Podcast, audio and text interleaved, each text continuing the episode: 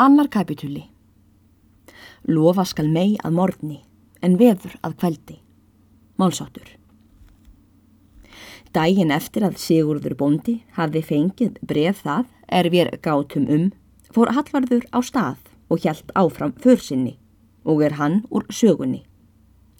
Líður nú fram til helgarinnar en sunnundagsmorgunin hinn næsta á eftir vaknar Sigurður snemma og er það nokkur fyrir dögun. Tún var í heiði og kastaði ljósi inn um loftsklukka en allir voru enn í svefni í baðstofunni nema bóndi. Tekur hann nú klæði sín og fer hljóðlega og gengur út og lítur til veðurs.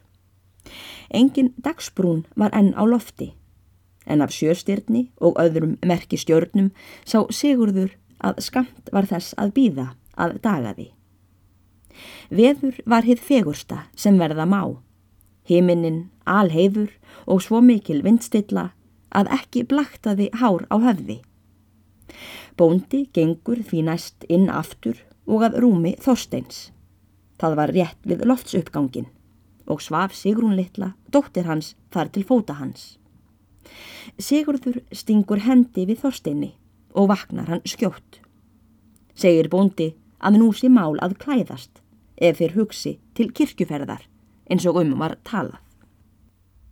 Veðrið er hér ágætasta, lokn og blessu blíða.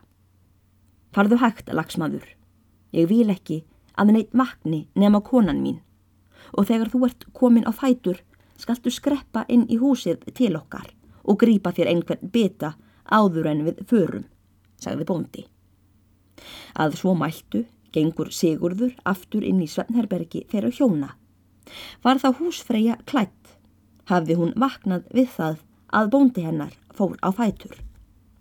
Sigurður bauð henni góðan dag með kossi og tekur það húsfreyja svo til orða. Þið munum ætla að fara til kirkju eins og þið hafið gert ráð fyrir.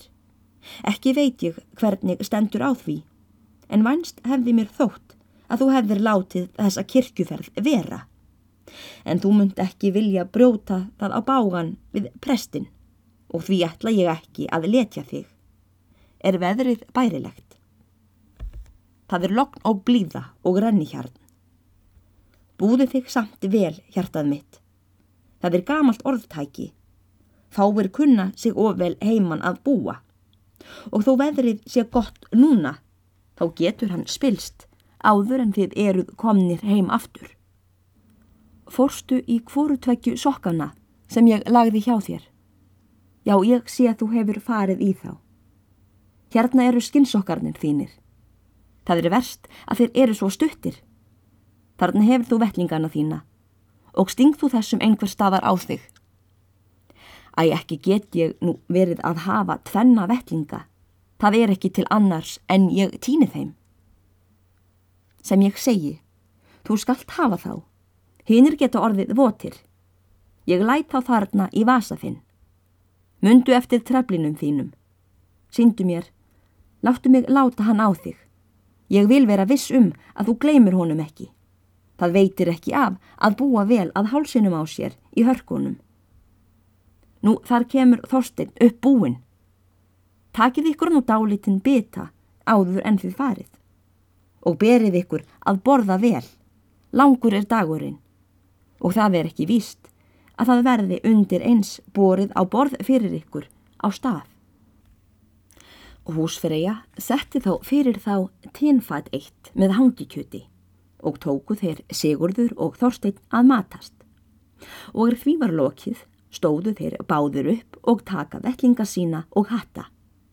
Húsfreyja hvaðst myndi fylgja þeim út. Sigurður bað Þorstein fara hljóðulega um baðstofuloftið, svo að heimamenn vöknuðu ekki. Húsfreyja gekk ofan á undan þeim en Sigurður bóndi myndist þess að honum hafði glemst að stinga á sig tveimur sendibrefum er fara áttu að stað og lágu inn í húsinu og snýrið því aftur inn í loftið og fór að leita þeirra. Þásteinn gekk að rúmi sínu og segir um leið við sjálfan sig í hálfum hljóðum. Æ, ég verða að hverja hann á rúni litlu, þó hún sé sofandi.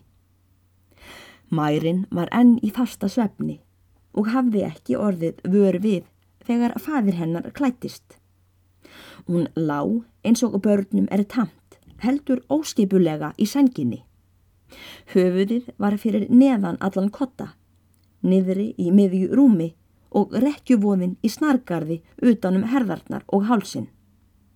Brekánið lá að mestu leiti fram á palli en fæturnir á Sigrúnulitlu voru þar sem höfðalægið hafði verið kveldið áður. Þegar fadir hennar sá hvernig rúmferðin var, segir hann. Æ, nú fer illa um litla skinnið mitt. Ég verð að laga þetta dálítið. Síðan tekur hann Sigrúnu og liftir henni upp í fangsér. Snirstir með annari hendi og hressir við kottan sem lá allur í bögli fram á stokk. Leggur meginna niður aftur á kottan, breyðir vandlega ofana hana síðan og segir Vertu nú sæl litla endið mitt og gráttu nú ekki þegar þú vaknar og sér að hann pappi þinn er horfin. Ekki vaknaði Sigrún við allt þetta en aðeins mátti sjá að hún ofurlítið losaði svefnin að því að dálítill róði fariðist á kinnarnar á henni. Þegar Þorstein hafði kist og kvart dóttur sína svona svofandi, gekk hann ofan. Sigurði dvaldist nokkuð inn í húsinu, er hann fann ekki undir eins brefin, en síðan snýr hann aftur og er hann kemur fram fyrir hústyrnar eru orðin þau umskipti að allir í baðstofunni eru glad vaknaðir allt í einu og bar það til að hurriður kerling let svo illa í svefni að enginn gatt notið svefns eða varðar fyrir hennar illum látum. Æfti hún ímist ámótlega eða það korraði í henni sem hrút á blóðvelli og braust um svo hræðilega að hún ímist stóð á hæl eða nakka. Þetta gekk um hríð, þar til allir voru vaknaðir sem voru í baðstofunni. Tóku menn þá að æpa á hana en hún vaknaði ekki við að heldur. Í þessari svipan var það að Sigurður Bondi kom fram á loftið og heyrir hann þá hvað um er að vera og kallar hann þá á einhverja stúlku sem hann sá að vara böknuð og segir Hann að dreymir eitthvað illa, þurriði gömlu.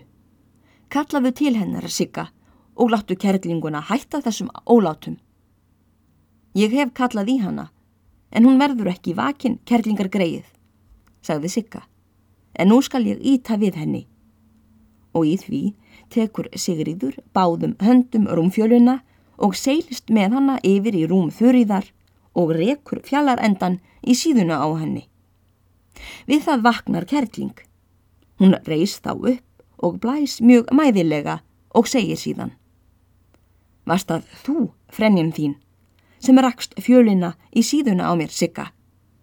Gastu ekki látið vera að vekja mig, tæfan þín. Þú lest ekki eins og maður, sagði griðkonan. Það hafði engin frið fyrir þér í baðstofunni og því vakti ég þig. Og það er verst að ég hef haldið fyrir þér vöku kindin þín. Ég sagði henni að vekja þig, mælti Sigurður, því ég heyrði að það sótti að þér. Þig hefur dreymt eitthvað illa, þurriður gamla. Það er lítið að marka hvað mikið dreymir. En haldið hefði ég það að þetta erði fyrir einhverju. Tautaði kerling í hálfum hljóðum. En bóndi nefndi ekki að hlusta á hvað hún sagði. Kastaði í skyndi hverju á heimilisfólkið og fór ofan. Og er hann kemur á hlaðið, stendur þorstinn þar ferðbúin með brottstaf í hendi. Bóndi tekur og stafsinn og gengur síðan af húsfreyju og hveður hana og segir húsfreyja áður þau skildu. Þess ætla ég að byggja þig, Sigurður minn, að fara ekki út í slæmt og ekki senkt á stað í kvöld. Vertu heldur kyrr á stað en að fara undir nóttina á hálsin. Veðrið núna er gott en hann getur spilst áður en kvöld er komið. Þú veist að mér er ekki rótt þegar þú ert í burtu og lofuðu mér því að leggja ekki út í neina tvísínu, Þorstein minn. Mundu eftir að eggja ekki mannin minn út í slæmt útlitt. Það þarf ekki að eggja hann. Hann er nógu framhaldsamur samt. Vertu óhrætt um það, Þórdis mín, sagði Sigurður.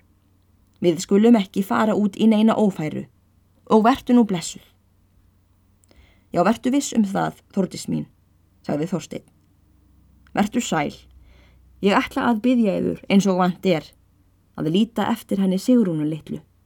Hún á engan að skinnið, þegar mín missir við, nema Guð og þig. Eftir það heldu þeir félagar á stað og stóð húsfreyja á hlaðinu og horfi eftir þeim, þar til þeir hurfu fyrir túnið.